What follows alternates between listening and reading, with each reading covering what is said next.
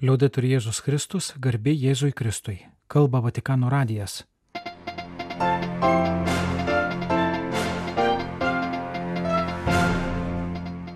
Malonus klausytujai šioje programoje. Popiežius dalyvavo paskutiniuosiuose sinodo darbuose, išreiškė užuojautą šaudinių jungtinėse valstijose aukų šeimoms. Sukako 65 metai nuo staigmenų popiežiaus išrinkimo. Apaštalo Šventojo Judo Tado pagirbimas Romoje ir šventieji metai. 30-ojo eilinio sekmadienio Evangelija ir komentaras.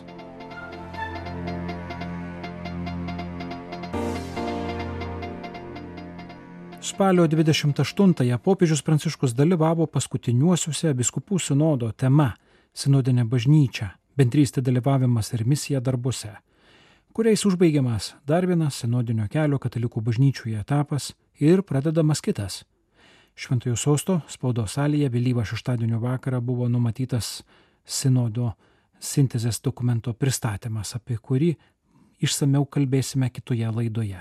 Tarp pranešėjų šiomis savaitėmis dažnai girdėti vardai - kardinolas Mario Grechas, sinodo generalinis sekretorius, kardinolas Žanas Klodas Holerišas, sinodo pagrindinis pranešėjas ir kiti. Šeštadienio vakare Šventojo Petro aikštėje, kaip ir ankstesnėmis spalio, rožiniui skirtų mėnesio savaitėmis, vyko rožinio malda, lydima uždegtų žibintų. Šeštadienio žinutėje X socialinėme tinkle popiežius priminė dieną anksčiau specialios maldos už taiką pasaulyje Šventojo Petro bazilikoje jau išsakytą maldavimą. Neleiskime, kad konfliktų debesis uždengtų vilties saulę. Priešingai, patikėkime Dievo motinai skubų taikos poreikį, kad visos kultūros atsivertų harmoniją, kuriančios šventosios dvasios dvelgsmai. Šeštadienį taip pat buvo paskelbta popiežiaus telegrama, skirta dėja dar vienam dramatiškui įvykiui. Junktinėse Amerikos valstijose spalio 25-ąją įvykusiame dar vienam šaudynių epizodui, šį kartą Meino valstijoje. Liuistono mieste šaulys įžengė į baulingo salę ir atidengė ugnį žaidžiančius ar salės kavinėje sėdinčius žmonės, nukaudamas 18 asmenų nuo 14 iki 17 metų amžiaus, sužeisdamas 13 kitų. Spalio 28 pranešta, kad ir šaulys vietos gyventojas rastas negyvas. Popiežius buvo giliai nuliūdintas tokio didelio gyvybių praradimo ir perduoda savo dvasinę artumą visiems, kurie kenčia nuo šios neapsakomos tragedijos, ypač žuvusiųjų šeimoms, rašoma telegramoje, kurią popiežiaus įgaliojimu kardinolas Pietro Parulinas, popiežiaus valstybės sekretorius, pasiuntė Portlando vyskupai, į kurio viskupiją patenka nelaimės vieta. Popiežius taip pat meldė, kad žuvusiųjų sielos būtų gailestingai primtos Dievo, o sužeistieji greitai pagytų. Telegramoje paminimi ir tie, kurie drąsiai ir nepaisydami pavojaus gyvybei užkirto kelią dar didesniai nelaimiai. Į šventuosius metus atvira širdimi su apaštalu šventuoju Judu Tadu. Romos bažnyčiose be didžiųjų apaštalų šventųjų Petro ir Pauliaus saugomos dar kitų šešių apaštalų relikvijos. Šventojo Pilypo ir Jokūbo jaunesniojo dvylikos apaštalų bazilikoje, evangelisto Šventojo Mato didžiojoje švenčiausiosios mergelės Marijos bazilikoje, Šventojo Baltramiejaus jo vardo bazilikoje Tibro saloje, Šventojo Pauliaus jo vardo popiežiškojoje bazilikoje už Romos mūrų, Šventųjų Simono ir Judo Tado, kaip ir apaštalo Šventojo Petro, Vatikano bazilikoje. Spalio 28-ąją apaštalų Šventųjų Simono ir Judo Tado liturginės šventės dieną švenčiausiojo išganytojo Inlauro parapijos bendruomenė Romoje surengė procesiją iš savo bažnyčios į Šventojo Petro baziliką apaštalo Šventojo Judo Tado atminimui pagerbti. Parapija nuo seno puoselėja ypatingą dvasinį ryšį su apaštalu Judu Tadu Jėzaus pusbroliu, kuris, pasak kai kurių biblistų, yra apaštalo Jokūbo jaunesniojo brolis prie švenčiausiojo išganytojo Inlauro bažnyčios kadaise buvusi šventajam Judui Tadui skirta koplyčia. XIX amžiuje paversta teatru. vykdant statybos darbus po nugriautų altoriumi surastas relikvijorius su brangia šventojo judo relikvija. Ja koplyčios savininkai padovanojo bažnyčios klebonui. Dėl šio ilgamečio dvasinio ryšio ir melsdama šventąjį apaštalą lydėti pasirengimą 2025 m. jubiliejui, parapijos bendruomenė, kuriai priklauso ir migrantai iš Lutynų Amerikos, šventojo garbiai surengė procesiją į Šventojo Petro baziliką. Po procesijos jos dalyviai meldėsi prie apaštalo Šventojo Judo Tado altoriaus, kuriame saugomi jo ir Šventojo Simono žemiškiai palaikai. Apaštalų sąrašuose šie du apaštalai visuomet minimi kartu. Jono Evangelijos pasakojime apie paskutinę vakarienę Judas Tadas klausė Jėzaus. Viešpatie, kas atsitiko, jog ketini apsireikšti mums, o ne pasauliui. Jėzaus atsakymas slėpiningas ir gilus. Jis atsakė, jei kas mane myli, laikysis mano žodžio ir mano tėvas jį mylės. Mes pas jį ateisime ir apsigyvensime. Popiežius Benediktas XVI vienoje katechezėje, komentuodamas šį pasakojimą, pažymėjo, jog tai reiškia, kad prisikėlus jį turime matyti ir suvokti taip pat širdimi. Viešpats nepasirodo tik fiziškai, jis nori patekti į mūsų gyvenimą, todėl jo apsireiškimas reikalauja atviros širdies. Tik tokiu būdu mes matome prisikėlus į jį atvira širdimi. Šeštadienį spalio 28 dieną minėtos 65-osios Šventojo Jono 23-ojo išrinkimo popiežiumi metinės. 1958 m. spalio 28 d. praėjus mažiau kaip trim savaitėms po popiežiaus Pijaus XII mirties, kardinolų konklava išrinko 77 metų Venecijos patriarchą Angelo Giuseppe Roncalli naujoju Romos vyskupu ir popiežiumi. Jono 23 vardas buvo pirma iš daugelio reikšmingų staigmenų palyginant trumpoje, mažiau nei penkerių metų trukmės Roncalli popiežystėje. Prieš jį jau buvo vienas popiežius Jonas 23 Baldasarė Kosa, XIV-XV amžių sandūroje buvęs vienas iš trijų pretendentų į popiežiaus sostą. Nors buvo išrinktas neteisėtai, jo dėka buvo sušauktas Konstanco susirinkimas, užbaigęs bažnyčiai dvi stovyklas padalinusią vakarų schizmą. Prieš 65 metus popiežiumi išrinktas Angelo Giuseppe Roncalli vardo pasirinkimu galutinai užbaigė lygi tol iki galo neišblėsusią diskusiją, ar ankstesnysis Jonas XXIII buvo teisėtas popiežius ar antipopiežius. Kita staigmena buvo popiežiaus amžius - 77 metai. Daugelis apžvalgininkų mane, kad konklava išrinko kompromisinį kandidatą pereinamojo laikotarpio popiežystei.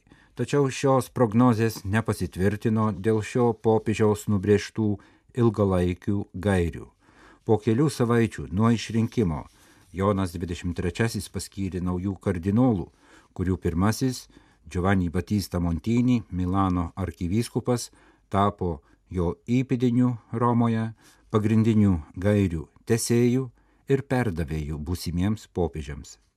Dar po kelių savaičių nuo išrinkimo Jonas XXIII visai nelauktai sušaukė naują bažnyčios visuotinį susirinkimą Vatikano antrąjį ir nuo tada vos ne visą popiežystės dėmesį skyrė susirinkimui parengti.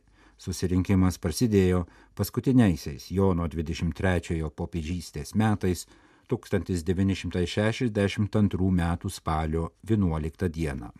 Kita Jono 23 staigmena buvo pasikeitęs popiežiavimo stilius, nebeformalus kaip praėjusiais amžiais, o ganytojiškas, panaikinęs atstumą tarp ganytojo ir ganomųjų. Per pirmasias kalėdas, tai yra mažiau nei mėnesį po išrinkimo, Jonas 23 nelauktai apsilankė Romos kūdikėlio Jėzaus pediatrinėje ligoninėje. Palatose sveikino ir laimino vaikus. Pasakojama, kad kai kas netikėjo, kad čia popiežius buvo manančių, kad vaikus lanko kalėdų senelis. Po tokios popiežiaus staigmenos niekas nesitikėjo, kad kitą dieną įvyks dar viena staigmena. Antrąją kalėdų dieną jis apsilankė pagrindinėme miesto kalėjime Regina Cėlį. Sutiktiems kaliniams pasakė, jūs negalite ateiti pas mane, todėl aš atėjau pas jūs. Mano akys jūsų akise, mano širdis arti jūsų širdžių. Pirmajame laiške artimiesiems parašykite, kad jūs aplankė popiežius ir įsipareigojo melstis už juos. Evangelinis stilius buvo šio visuotinio bažnyčios ganytojo ženklas bažnyčiai, besirengiančiai atsinaujinimo permainoms. Visų pirma, į Vatikano antrąjį susirinkimą susirinkusiems 2400 vyskupų iš viso pasaulio.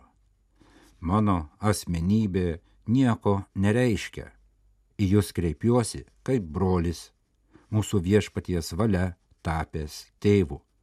O visa kartu tėvystė ir brolybė yra Dievo malonė, pasakė popiežius Šventasis Jonas 23 visuotinio susirinkimo atidarimo vakarą. Popiežius Jonas 23 mirė 1963 m. birželio 3 d. 2014 metais popiežius Pranciškus paskelbė jį šventuoju kanonizavimo iškilmės mišes su juo koncelebravo popiežius emeritas Benediktas XVI.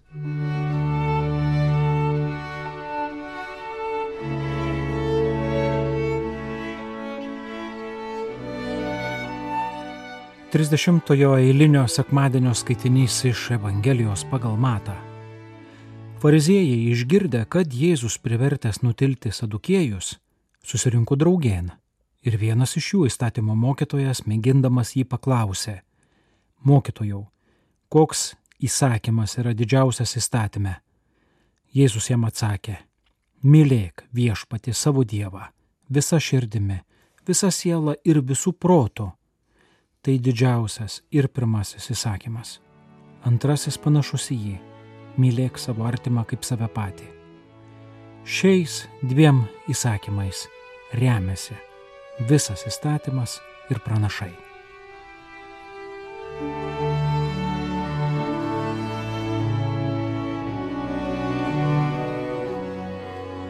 Mėly klausytojai, skaitome Monsignoro Adolfo Grušo parengtą komentarą. Tai, kas svarbiausia. Evangelija yra persmelkta akivaizdaus paradokso. Kuo žmogus yra religingesnis, kuo labiau jis persijęmės tuo mentalitetu, tuo sunkiau jam priimti Dievą. Šio sekmadienio liturgijoje skaitome apie Jėzaus pokalbį su įstatymo mokytoju kuris girdėdamas tikslius ir išmintingus mokytojų atsakymus ir tikrai neturėdamas jokių blogų ketinimų, kreipėsi į jį. Mokytojų, koks įsakymas didžiausias įstatymė? Šis klausimas mums, mokantiems katekizmą, gali pasirodyti beprasmis. Iš tiesų taip nebuvo.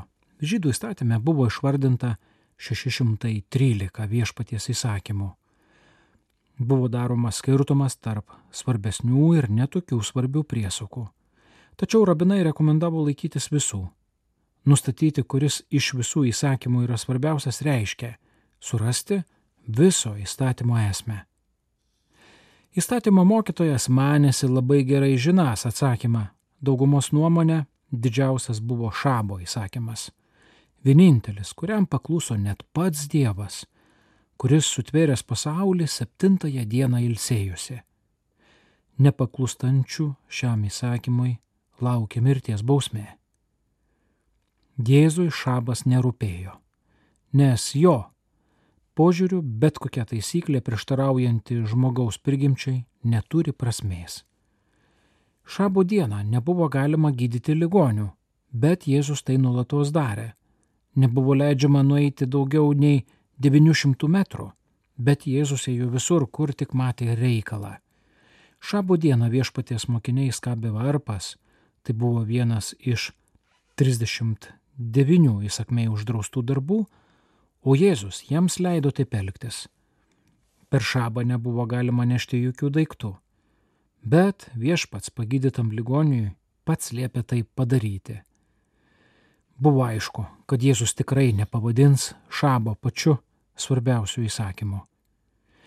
Atsakydamas į klausimą išganytojas cituoja du tekstus iš Senojo testamento, kurie Evangelijoje pateikiami kiek sutrumpintai. Vienas jų yra pakartoto įstatymo knygos malda, kurią kiekvienas pamaldų žydas kalbėdavo ir tebe kalba du kart per dieną.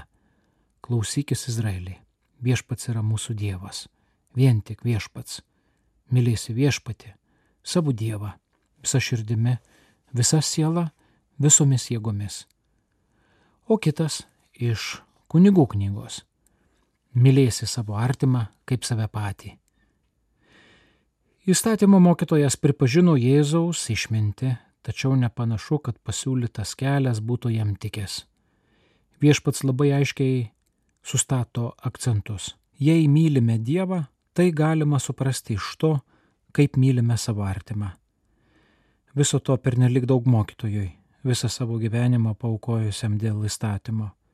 Šis pasirinkimas kartu tapo ir jo vidiniais varštais.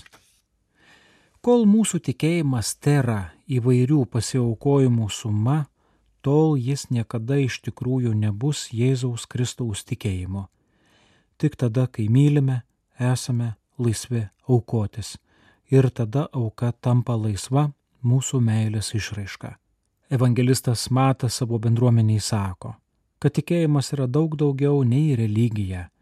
Religija suvokiama kaip pažiūrų sistema ir elgesio rinkinys Dievo atžvilgiu. Siekiant gauti jo pritarimą yra tik tikėjimo pradžia.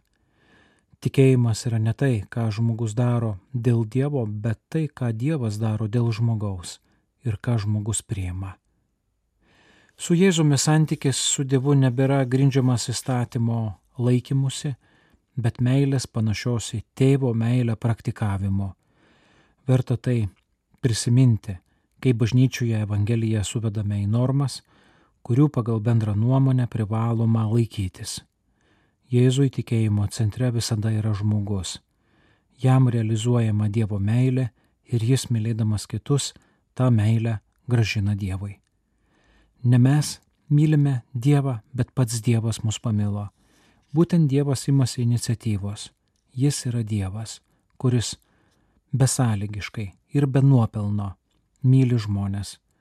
Viskas, ką žmogus turi padaryti, priimti šią meilę, leisti savo būti nuneštam šios meilės bangos ir su Dievu taip, kaip Dievas, eiti link kitų. Tikintysis netiduoda savo gyvybės už Jėzų, bet su Jėzumi ir kaip Jėzus aukoja ją kitiems.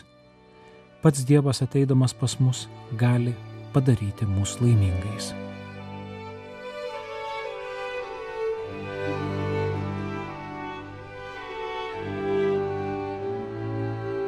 Malonus klausytojai, laidą lietuvių kalba baigiame. Kalba Vatikano radijas, garbė Jėzui Kristui, liaudėtur Jėzus Kristus.